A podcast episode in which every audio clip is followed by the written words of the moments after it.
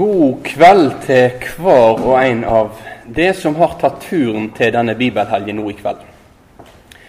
For en del er jeg kanskje et ansikt jeg har sett før. For andre er jeg nok litt mer ukjent. Men mitt navn da er som sagt Ingvald André Kårbø. Jeg er født og oppvoksen i Øygarden utafor Bergen her. Men eh, har bodd en del år, først i Oslo og så i Tromsø, der jeg arbeider på Fjellheim bibelskole i nesten ti år. Og For eh, litt over to år siden flytta kona mi og meg til Øygarden, til mine heimetrakter igjen. Og har begynt å arbeide i P7 Kristen Riksradio. Jeg er så heldig at jeg har fått ei lita datter som heter Camilla. Nei, ikke Camilla, det er kona. Jeg, jeg er heldig som har fått to òg, det skal jeg absolutt si. Men dattera heter Amalie. Så det er oss, det.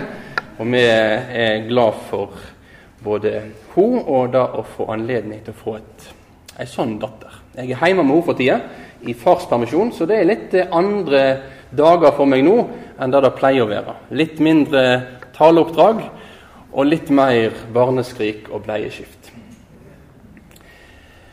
Jeg eh, skal i løpet av denne helgen få lov til å være med og ha to bibeltimer ut ifra Jeremias bok. Emnet har allerede blitt presentert, og da kjenner det til ifra selve oppsettet eller programmet sånn som det er. Denne første samlingen vi skal ha nå i kveld, den har overskriften 'Jeremias samtid og kall'. Og Den har nok litt preg òg av at det har vært en innledningssamling der vi i alle fall i starten av samlingen kanskje bruker litt tid på enkelte spørsmål som en uten videre kanskje ikke hadde tatt seg så god tid med hvis det var en vanlig tale. Men når vi skal forstå profetbøkene i Det gamle testamentet, så er faktisk det at vi òg har med oss den samtida dette ble skrevet inn i veldig avgjørende. Jeremia-boka begynner egentlig med å gi oss et innblikk i samtida med å presentere hvem som var konger mens Jeremia hadde sitt virke. For de første leserne ville dette umiddelbart skape assosiasjoner og gi et lerret som resten av boken ble malt på. Men for den jevne bibelleser, eller ikke så mye bibelleser i Norge, så er nok det litt mer ukjent. Derfor skal vi bruke litt tid på samtida først, før vi kommer til den kallsberetningen som òg står videre i Jeremia kapittel 1. La oss nå aller først få fortsette med å be før vi leser hele Jeremia kapittel 1.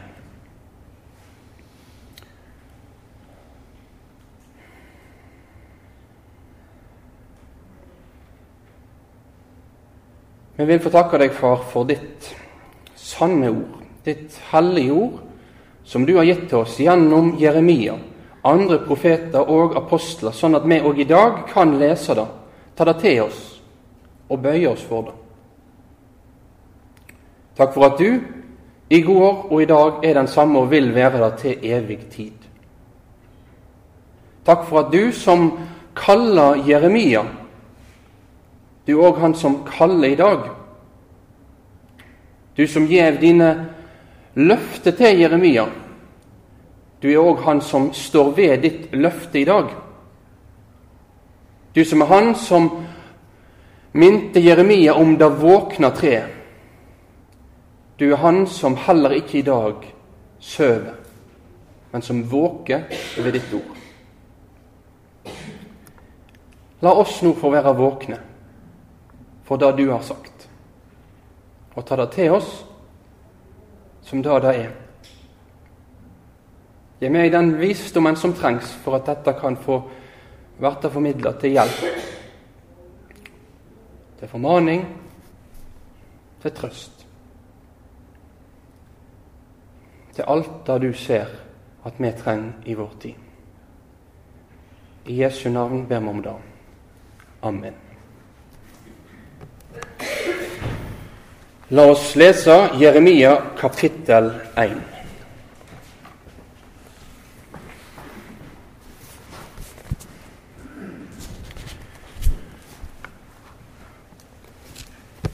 Ord av Jeremia, sønn til Hilkia, en av prestene i Anatot i Benjaminslandet.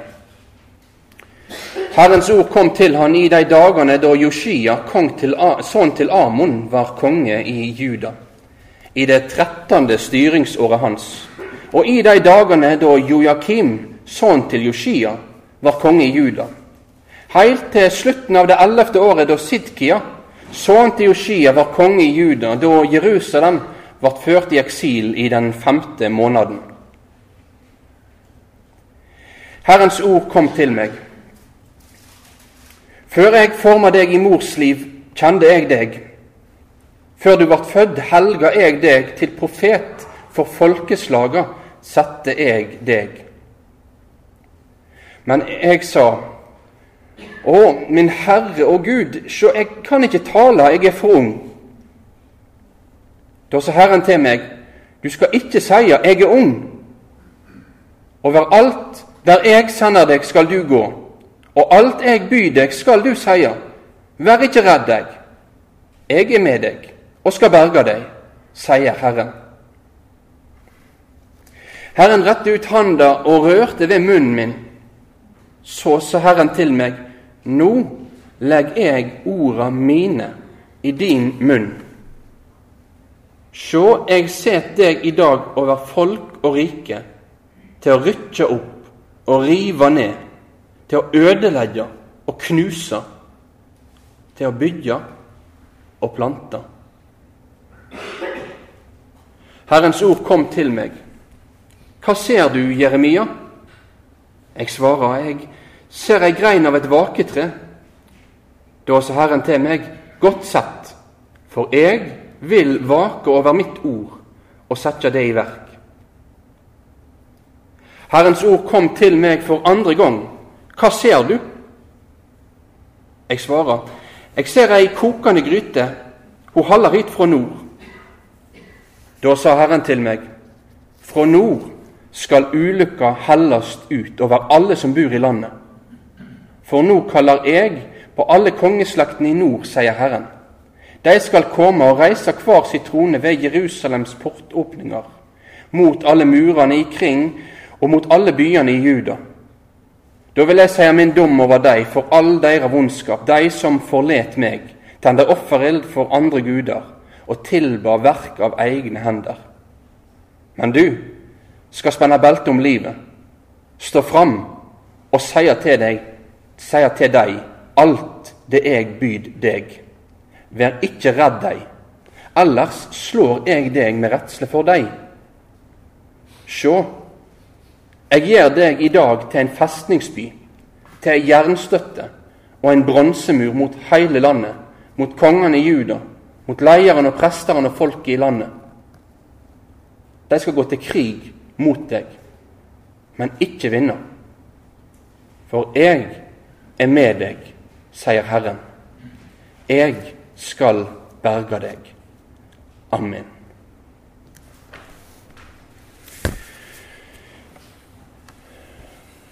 Det vi nå fikk høre, var Jeremia kapittel 1. Et kapittel som begynner med å plassere Jeremia sitt liv inn i den historiske ramma, før vi møter hans kallsberetning. Og Det begynner helt i starten med at vi får vite at denne Jeremia han er sønnen til Hilkia. Han er en prestesønn, vokste opp i Benjaminslandet, sannsynligvis da ikke så langt ifra Jerusalem. Og ordene som han nå får, det er ord som kommer i de dagene da Joshia var konge, senere da Jojakim var konge, og etter hvert da kong Sidkia regjerte i Jerusalem. Og Her skal vi nå ta oss noen minutter for å plassere dette her inn på den storpolitiske arenaen. For vi får faktisk vite akkurat det året der Herren sannsynligvis da kalle Jeremia. Noen mener at det er det året Jeremia ble født. Da ikke jeg så overbevist om. For meg ser det ut som at det er dette året her, i det 13. styringsåret til eh, kong Joshia, at Herren kaller Jeremia til tjeneste. Og da kan vi tidfeste det. Det er ca. litt etter hvordan en regner kronologien i Det gamle testamentet, år 627 før Kristus.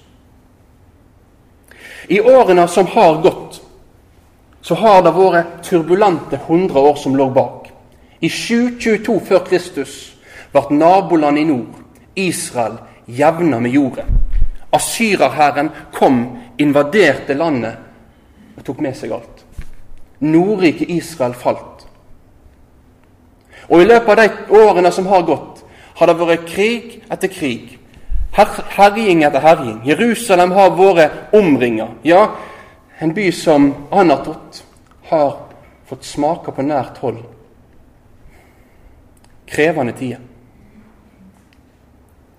Akkurat det året når Jeremia sannsynligvis står for kallet, så skjer det faktisk noe stort på den storpolitiske arenaen. Den siste store asyriske kongen, Ashurbanipal, han dør dette året. Det er to kongedømmer som nå har konkurrert om makten. Det er Egypt i sør, og det er Asyria i nord. Og Gjennom denne delen av Israels historie så ser vi at Juda ligger på mange måter som en slags buffer mellom disse to storrikene. Etter hvert nå så kommer Asyria til å bli oppslukt av det nye babylonske riket. Og i løpet av Jeremias levetid og hans kallstid så kommer denne spenningen mellom Egypt og Babylon til å stadig vekk være der. Noen konger har sin allianse med Egypt og er nikkedokke for kongen i Egypt. Andre er nikkedokke for Nebukadneser når han etter hvert kommer på truna i Babylon. Det er turbulente tider på den storpolitiske scenen. Men det er òg noen tiår som er prega av store endringer for innbyggerne i Jerusalem ja, for israelsfolket. Jeremia begynner sin tjeneste. Han blir kalt av Herren, mens kong Joshia sitter på truna. Kong Joshia ble konge i en ung alder. Allerede som åtteåring så var han den som fikk det store oppdraget å være konge over Juda. Og Åtte år seinere, i det åttende regjeringsåret hans, så står det om han i de tekstene vi leser i kongebøkene og i andre krønikebok kapittel 34, at denne 16-åringen begynte å søke Herren. Han ville ha med Gud å gjøre. I motsetning til sin far og sin bestefar, den forferdelige Manasse.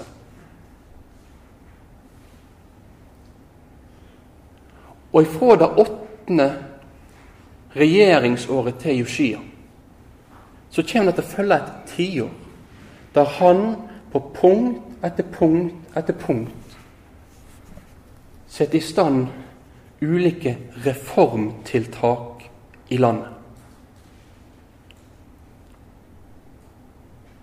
Avgudsdyrkingen skal renskes opp i. Og dette blir det for alvor satt et startskudd ved i det tolvte regjeringsåret. Han begynner å gå til aksjon rundt omkring i bygdene og byene i landet. Offerhauger som var forbudt, fjerna. Prester som tilba avgudene, blir avsatt og tatt av dage. Brudd mot det første budet blir ikke tatt lett på. Det er en opprensking. For han ser at dette folket trenger å vende om til Herren. Tempelet blir restaurert. Og under tempelets restaurering blir ei bok gjenfunnet. Ei bok med Moses skrift. Det står ikke svart på hvitt om det er Mosebøkene og hvor mye av Mosebøkene det er. Men det er veldig tydelig at innholdet i det som står her, det er innholdet i Moseloven. Og når Joshia får høre dette, så river han klærne sine. For han ser at dette domsbudskapet, det rammer han og det rammer folket. Og etter hvert så blir det satt i stand den største påskefeiringen som har vært på generasjon etter generasjon etter generasjon. Folket må for det første innse sin synd, og for det andre så blir de nå kalla til å igjen få feire Guds store frelseshandling da han førte sitt folk ut av Egypt midt opp i dette åndsklimaet, ble Jeremia kalla.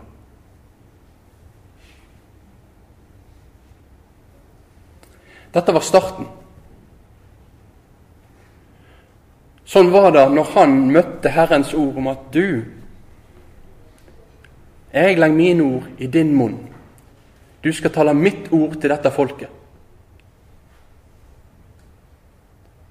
Det var ord som var mottatt på ei tid da kongen, den mektigste i Jerusalem, satt og nikka og sa ja, vi vil høre Herren.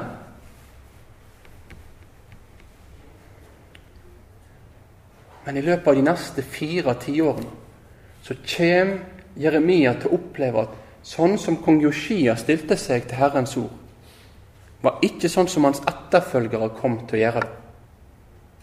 Mens Joshia reiv klærne sine opp når han hørte Herrens ord, så kom hans, en av hans etterkommere, Jojakim, til å rive opp, eller skjære opp Guds ord når han hørte det. Den rake motsetningen. Han ville ikke høre det. Og så er det en tidsperiode på 40 år, på 50 år, da han har ei tjeneste der det bare ser ut til å gå nedover for folket. Det er frafall.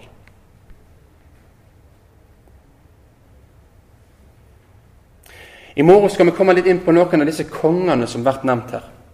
For Da skal vi om hyrder og profeter som føre vil. Men jeg vil kort nevne det for deg nå. Hvis du leser Jeremia-boka, så er det en del konger som blir nevnt. Vi har Joshia for det første. I tillegg så er det fire andre konger som kommer til å regjere mens han her eh, Jeremia er profet. Etter Joshia kommer hans sønn Joakas. Og Nå skulle jeg som denne læreren i meg nå skulle hatt ei tavle så jeg kunne tegne et slektstre for dere, men jeg får gjøre det med nevene. Så du har Joshia, og han får en sønn som heter Joakas. Han kan også bli omtalt som sjallum, så det kan være litt forvirrende. Ulike navn på han. Han var ikke konge særlig lenge, og ganske raskt så får bror hans, Jojakim, herredømme. Han kommer til å være en konge som styrer i lang tid, og som egentlig styrer store deler av det som er hovedvirketida til Jeremia. Etter hvert så kommer Jojakim til å bli avsatt, og hans sønn Jojakin overtar. Da er det greit å huske at M kommer før N i alfabetet. Du har Jojakim, så kommer Jojakim. Han var heller ikke konge lenge før den siste kongen, Sidkia, sitter ved makta i Jerusalem. I teksten her er det kun Jojakim, Joshia og Sidkia som blir nevnt, for det er de som er de mest dominerende. Men dette er bakgrunnen, dette er det lerretet, dette er den virkeligheten som Gud nå kaller Herren, nei, Gud nå kaller Jeremia til å virke inn i. Herren visste hva som lå framfor. Herren visste hva som kom til å skje. Og han kalte nå Jeremia med tanke på de kommende årene. Og Da skal vi bevege oss inn i den kallsberetningen som vi kunne lese her. Og Vi får ikke anledning til å gå inn på alt som sto i Jeremia kapittel 1. Vi skal si litt om Herrens kall til Jeremia. Før vi ser litt på de to synene han mottar, før vi til slutt kommer til forankringen av Guds kall, som det står en del om i slutten av kapittelet. Så da er det strukturen på resten av denne bibeltimen. Først kallet, så synene, så forankringen. Og så er det sånn at Når vi da står overfor en kallsberetning i Bibelen, så kan det alltid være litt sånn eh, utfordrende å stille seg spørsmålet hvordan skal en forkynne ved dette? Hva skal en ta med? Hvor mye skal en generalisere ut ifra én en enkelt kallsopplevelse til alle mennesker, eller alle som står i ei tjeneste med ord i dag? Det kan være lett å generalisere der det passer oss, og der vi ikke har så lyst til å gjøre det, der generaliserer vi ikke så mye. Jeg har nok et ønske om at jeg vil prøve framfor alt å løfte fram hvordan denne kallsberetningen her kan lære oss noe viktig om Gud. Noe viktig om den tjenesten som Jeremia var inne i. Så kommer jeg òg til å dra noen snorer over til Nytestamentet, sånn at vi kan få se at det som Herren sier til han her, det følger òg på mange måter et slags spor som vi av og til ellers òg ser når Gud kaller mennesket til tjeneste. Så nå skal vi begynne med å se på Guds kall til Jeremia. I kapittel 1 vers 4-5 så sto det Herrens ord kom til meg. Før jeg forma deg i mors liv, kjente jeg deg. Før du vart født, helga jeg deg. Til profet for folkeslaga satte jeg deg.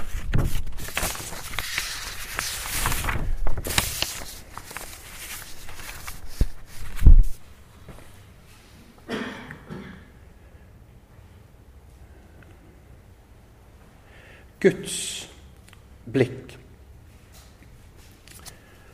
Guds blikk går så uendelig mye lenger enn våre menneskelige tanker, våre menneskelige innfall, våre menneskelige ideer.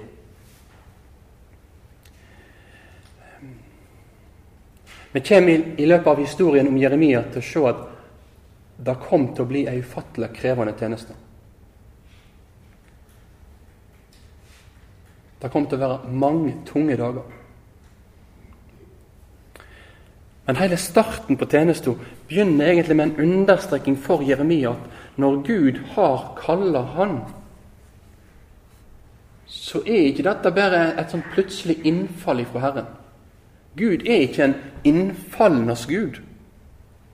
Gud er Han som gjennomfører alt etter sin egen plan og vilje. Før Jeremia var unnfanga, før Hilkia visste at kona hans var gravid, før Herren hadde forma mennesket i mors liv sånn som han gjør.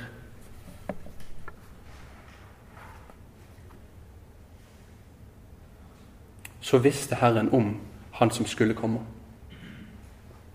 Vi har å gjøre med historiens herre. Vi har å gjøre med Han som kjenner dagen i dag, som kjenner gårsdagen, og som kjenner morgendagen. På vei inn i ei bok, og på vei inn i et emne som kan gjøre oss både skremt, kan gjøre oss sørgmodige over vår tid, det vi står overfor, så trenger vi òg å ha denne grunnforankringen med oss i bunnen. Vi har å gjøre med en Gud som kjenner hva som skal komme, og hva som har vært. Før jeg forma deg i mors liv, kjente jeg deg. Tenk at det er en sånn Gud vi har å gjøre med når vi møter Bibelens Gud.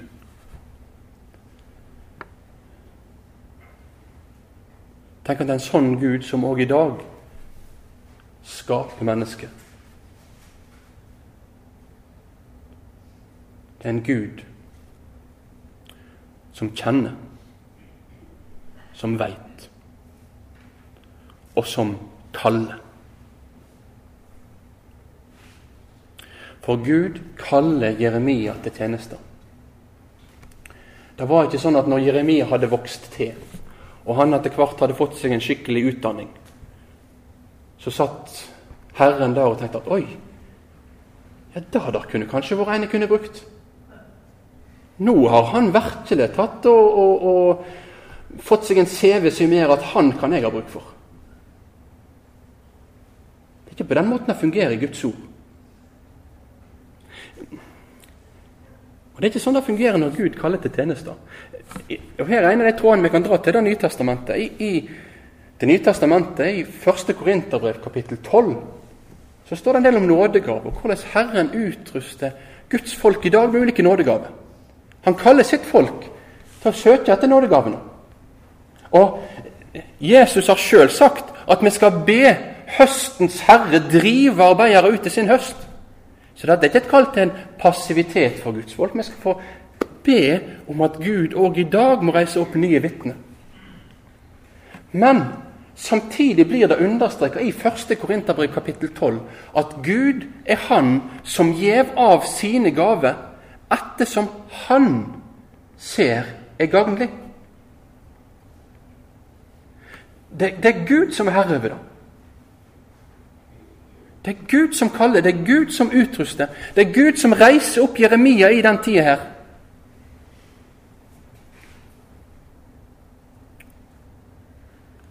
Og gjennom hele historien har reist opp vitner som skal få pekt på det som Herren i sitt ord har sagt. La oss fortsette med å be om det i dag og i dagene framover, at Gud må reise opp arbeidere, for det trengs. Så møter Jeremia dette her med en motforestilling. Det var ikke dette med alder inn, og Da dukker opp stadig vekk i Bibelen at om det er alder, eller det er talegave, eller det ene eller andre, så har vi mennesker av og til lett for å komme med unnskyldninger. Våre rasjonelle tankeganger de setter våre begrensninger. Nei, men Herre, vi kan ikke gjøre dette. Nei, men Herre, jeg er for ung. Nei, men Herre, jeg har ikke en munn til å tale med. Men så er det en tydelig understreking her som Herren gjør til Jeremia. Du skal ikke si 'jeg er ung'. Det betyr ikke at den som ung automatisk i alle tilfeller er bedre kvalifisert. Jeg tenker Kanskje i dag så er det en sånn her opphøying av det ungdommelige. Kanskje det er noe som Hellas kunne trengt å høre. Du skal ikke høre at det blir sagt 'du er for gammel'. For Herren, han er den som bruker mennesket. Han er den som nå fortsetter med å rette ut hånda si mot munnen til Jeremia røre ved hans munn, og gjennom det legge sitt ord i hans munn. Det kan minne oss om det som skjer, skjer i Jesaja 6, når Jesaja får oppleve hvordan serafen kommer med glørne ifra Herrens alter, renser lippene til han som har sagt at 'jeg er en syndig mann som er en del av et syndig folk'. Og Så blir han renset og satt i stand til tjenester. Her òg er det en Gud som sitter i stand til tjenester, og som legger sitt ord i munnen på Jeremia. Og det var da han skulle få være. Profetene i Gamle Testamentet var Guds talerør. Profetene i Gamle Testamentet blir framfor alt kjent ved de tre ordene 'Så sier Herren'. Hvis du går gjennom profetbøkene og ser hvor ofte det har vært nevnt, så er det hele veien gjentagende at det som de sa var ikke deres påfunn, deres ord, deres fortolkninger, deres meninger. Så sier Herren. Det profetiske ordet i Bibelen har en guddommelig autoritet. Det hadde det den gang, og det har det òg i dag. Og Det har vært brukt en ganske sterk formulering her.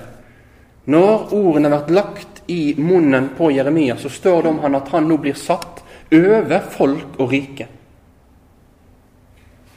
Over folk og rike. Konger og herskere kunne mene og si det ene og det andre om hvem Gud var og hvem han ikke var. Men til sjuende og sist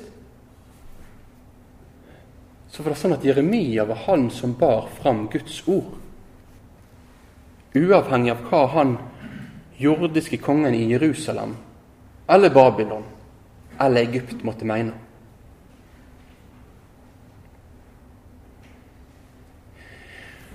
Jeg kan gå videre til det neste. De to synene som nå Jeremia får. For gjennom to syn så ser det ut som at Herren på mange måter vil stadfeste det kallet som han har eh, gitt til Jeremia stadfester både at kallet er til å stole på, og stadfester hva som skal komme til å skje. For Gud har sagt at gjennom Jeremias tjenester så skal eh, han ha en tjeneste til å rykke opp og rive ned, til å ødelegge og knuse, til å bygge og plante. Det er seks ulike verb som blir brukt. Og Av disse seks verbene så er fire destruktive. Og så er to konstruktive, hvis vi kan bruke ordet på den måten. Fire handler om hva som må rives ned, hva som må holdes dum over. Og så blir det òg gitt noen glimt av at han skal også få komme med noen ord som er til å bygge og plante. På mange måter kan kanskje dette være illustrerende på hans tjenester. At Jeremias tjeneste er en tjeneste preget av mye mer lov enn evangelium.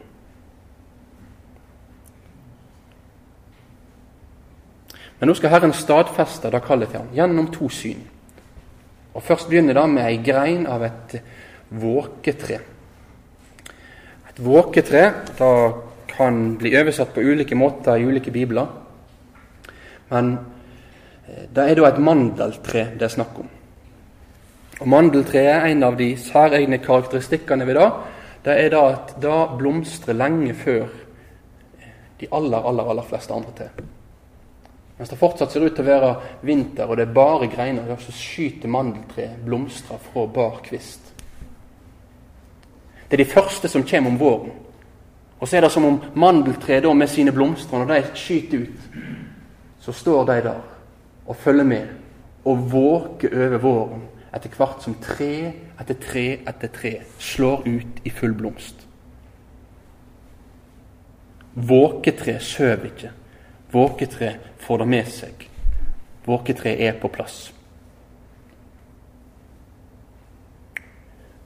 Og her så viser nå Gud Jeremia et sånt tre, eller ei grein av et sånt tre, og minner Jeremia om at Herren er Han som vil våke over sitt ord og sette det i verk.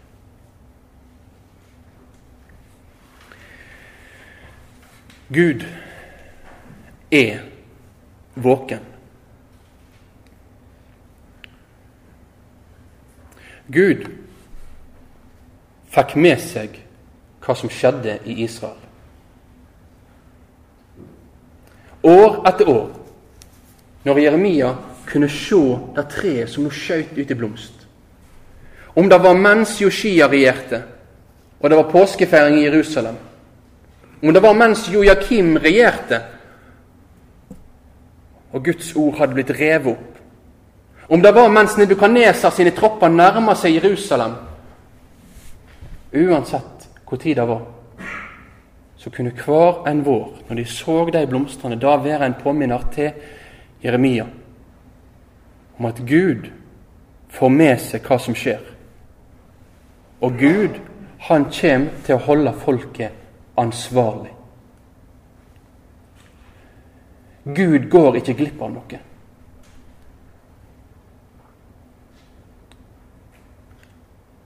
Han blir ikke tatt off guard.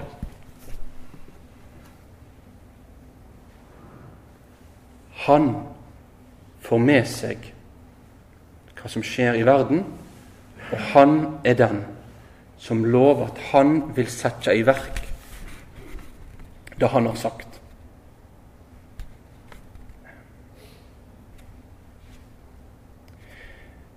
Det gjelder både Guds domsord og Guds frelsesløfte. Hans ord vil ikke bare bli glemt. Det som Gud har sagt at skal skje, det vil skje, det kommer til å skje. Sånn er det. Vi har ikke så mye mandeltre. Eller våketre, kanskje, i hagene våre. Men når våren skyter knopp i år Kanskje det er krokusen eller snøklokkene, de første små blomstene du ser kikke fram. La dag få være en påminner til deg at Gud Gud får det med seg. Gud er, han holder sitt ord. Og Så kommer det ett syn til, og det er knytta til ei kokende gryte som haller fra nord. For fra nord så skal ulykka helles ut over alle som bor i landet.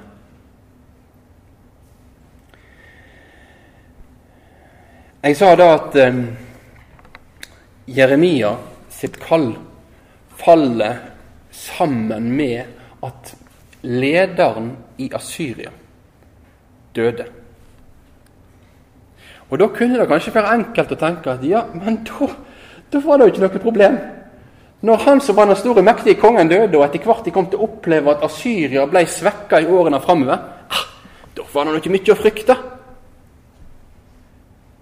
Men dette synet her, det var et syn Jeremia får i starten av sin tjeneste men påminner om at Gud skal holde dom over Juda, over Jerusalem, ved at det skal komme noen ifra nord.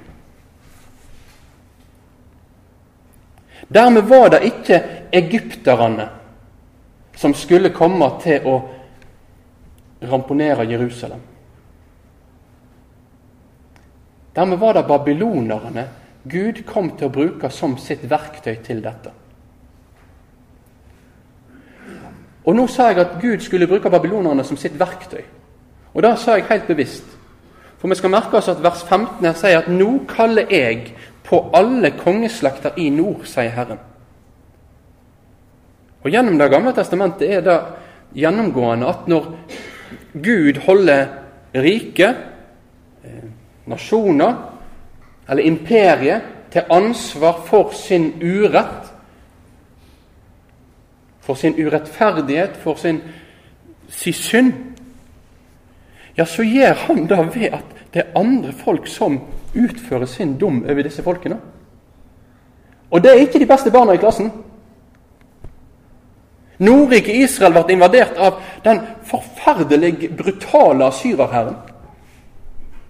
Jerusalem kom til å bli invadert av Babylon. De var redskap i Guds hånd.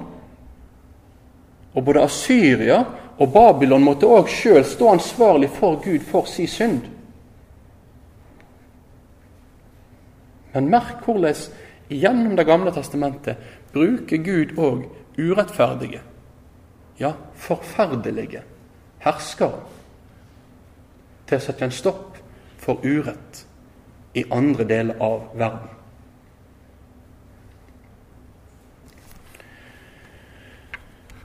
Men nå skal vi komme, komme til det siste punktet knytta til forankringen av kallet. For etter at Jeremia har mottatt disse to synene her, så står det at du skal spenne belte om livet, stå fram og sier til deg alt det jeg byr deg. Vær ikke redd deg, eller slår jeg deg med redsle for deg. Se, jeg gir deg til, i dag til en festningsby, til ei jernstøtte og en bronsemur mot hele landet, mot kongene i Juda, mot lederne og prestene og folket i landet. De skal gå til krig mot deg, men ikke vinne. For jeg er med deg, sier Herren. Jeg skal berge deg. Kapittelet avslutter her med en, en, formaning og en oppmuntring. En formaning til Jeremia om å gjøre seg klar. Spenn belte om livet. Vær forberedt på det som ligger framfor Jeremia. Han ble kalt i gode dager. Men vær forberedt for at gryta fra nord kommer til å bli tømt ut.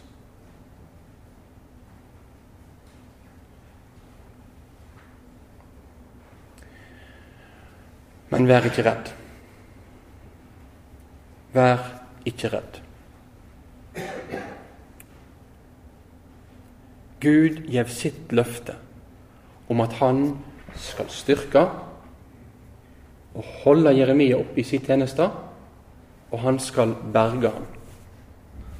Det står om Jeremia at Gud skal gjøre ham til en festningsby, til ei jernstøtte, en bronsemur mot hele landet.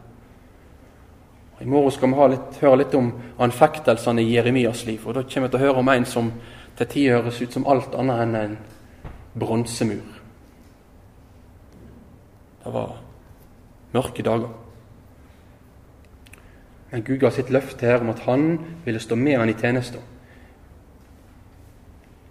Når han sto i denne tjenesten, ville folk gå til krig mot han. Men de skulle ikke vinne. Det ordet som Jeremia sa, det skulle stå fast. Og så avslutter Jeremia 1 med noen ord som egentlig er et ekko fra starten. 'Jeg er med deg', sier Herren. 'Jeg skal berge deg'. Det samme ble sagt i vers 8. 'Jeg er med deg og skal berge deg'. Det innrammer hans kall. Herren sier 'Jeg er med deg'. Jeg skal berge deg. Det var det løftet Jeremia skulle få stå opp til hver dag når krig ble ført mot ham. Jeg er med deg. Jeg skal berge deg. Jeg legger mine ord i din munn, og det er de ordene du skal tale.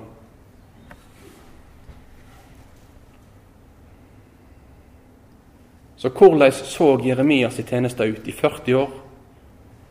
I 40 år da Gud var med ham, og da Gud skulle berge ham. Ja, hvordan ser det ut å leve et liv der Herren er med? For Jeremias en del så, så det ut som en hverdag fullt av mobbing, trakassering, uthenging, fengsling. Der han år etter år ser ut til å ha blitt mer og mer upopulær. Som om ikke det er nok. Ikke bare at det var mange som ikke satte så stor pris på det, men det ser ut som at de aller, aller, aller fleste ikke ville høre på han.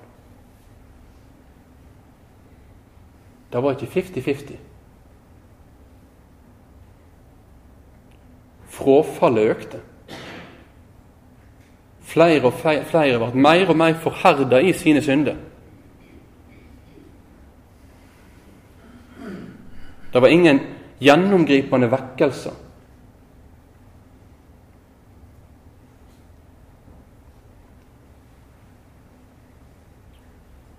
Og Etter hvert kommer babylonerne, tar Jerusalem. Og som om ikke det er nok, fortsetter Jeremia sine utfordringer med at han fortsetter med å si at til noen israelitter som vil reise til Egypt, de skal ikke reise der.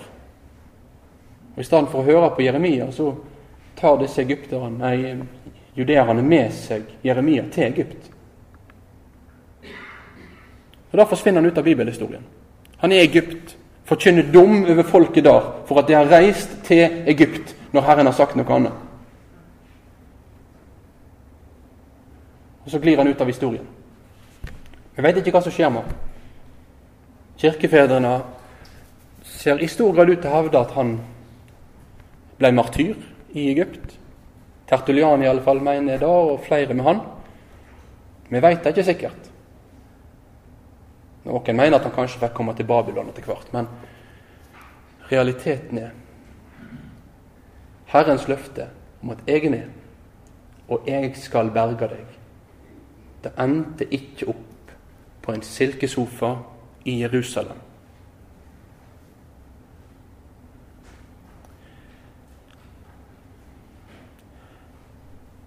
Herren sier, meg gitt all makt i himmel og på jord.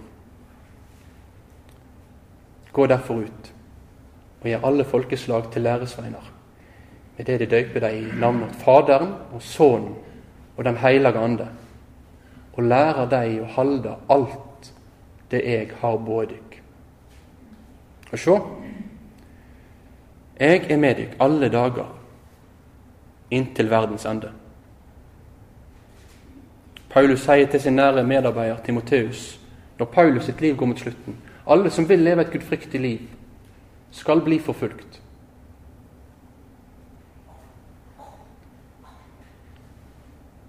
men Herren er med.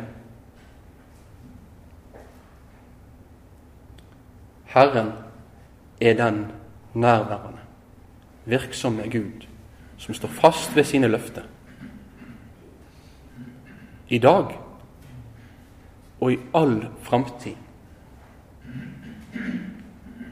For den som lever med Herren, så står det løftet fast.